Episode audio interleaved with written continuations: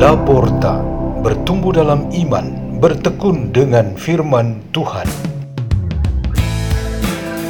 Radio Laporta, pintu terbuka bagimu untuk pertumbuhan pengetahuan dan kebijaksanaan tentang Allah.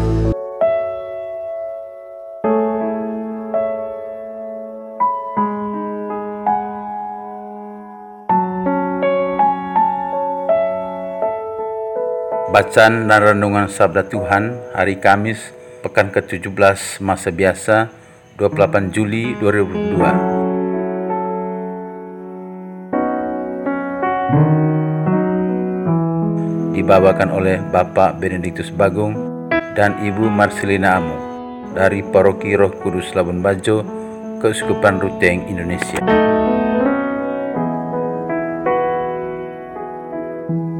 Inilah Injil suci menurut Matius bab 13 ayat 47 sampai 53. Sekali peristiwa Yesus bersabda kepada orang banyak, "Hal kerajaan surga itu seumpama pukat yang dilabuhkan di laut, lalu mengumpulkan pelbagai jenis ikan.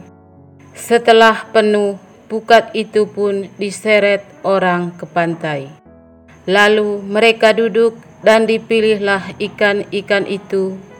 Ikan yang baik dikumpulkan ke dalam pasu, yang buruk dibuang. Demikianlah juga pada akhir zaman, malaikat-malaikat akan datang memisahkan orang jahat dari orang benar yang jahat lalu mereka campakkan ke dalam dapur api. Di sana ada ratapan dan kertak gigi. Mengertikah kalian akan segala hal ini? Orang-orang menjawab, "Ya, kami mengerti." Maka berkatalah Yesus kepada mereka, "Karena itu, setiap ahli Taurat yang menerima pelajaran hal kerajaan Allah, seumpama seorang tuan rumah yang mengeluarkan harta yang baru dan yang lama dari perbendaharaannya. Setelah selesai menyampaikan perumpamaan itu, Yesus pergi dari sana. Demikianlah sabda Tuhan.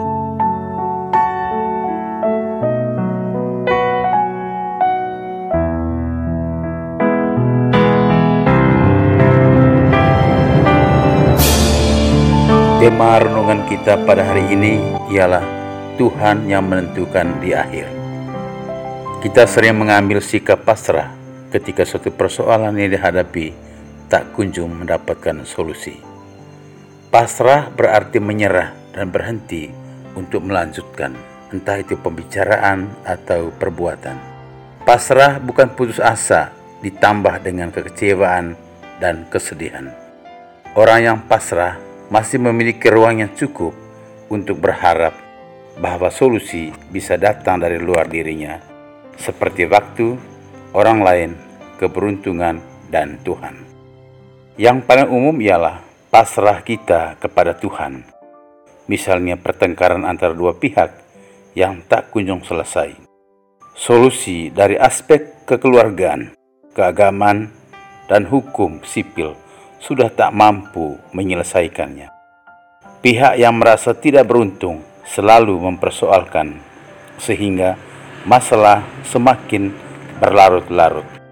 Karena yakin tak ada gunanya lagi berusaha, mereka memilih pasrah saja. Harapan terakhir ialah pada Tuhan yang memutuskan dan mengadili. Pengadilannya nanti setelah kematian, di mana setiap orang akan diadili menurut perilaku dalam kehidupannya di dunia.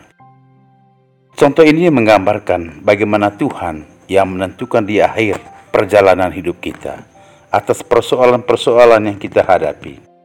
Yesus memberikan kita perumpamaan yang pas untuk ini, yaitu bahwa pada akhirnya pengadilan di surga itu akan memutuskan siapa yang benar dan siapa yang salah. Tuhan mempunyai strategi yang begitu bijaksana. Ia tidak memberikan keputusan besar dan terakhir ketika masih ada waktu bagi manusia untuk berproses.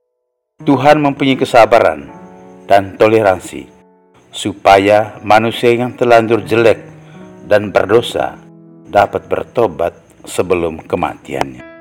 Strategi ini tentu saja berbanding terbalik dengan cara kita manusia yang ingin menikmati siapa yang menang dan siapa yang kalah di dunia.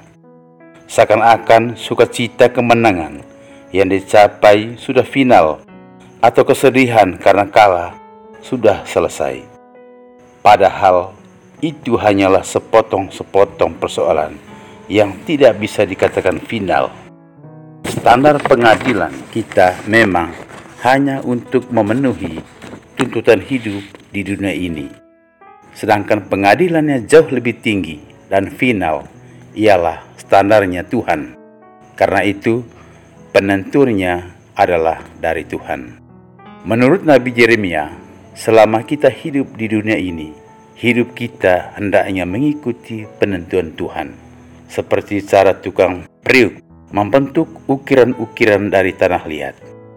Melalui kehendak dan kebijaksanaannya, Tuhan ingin membentuk kita dalam kata dan perbuatan kita tiap hari, sehingga kita dapat mengalami bagaimana Ia menentukan hidup kita dari saat ke saat, dari pagi hingga malam tiba. Ini adalah cara hidup kita menuju kepada penentunya yang terakhir atas diri kita.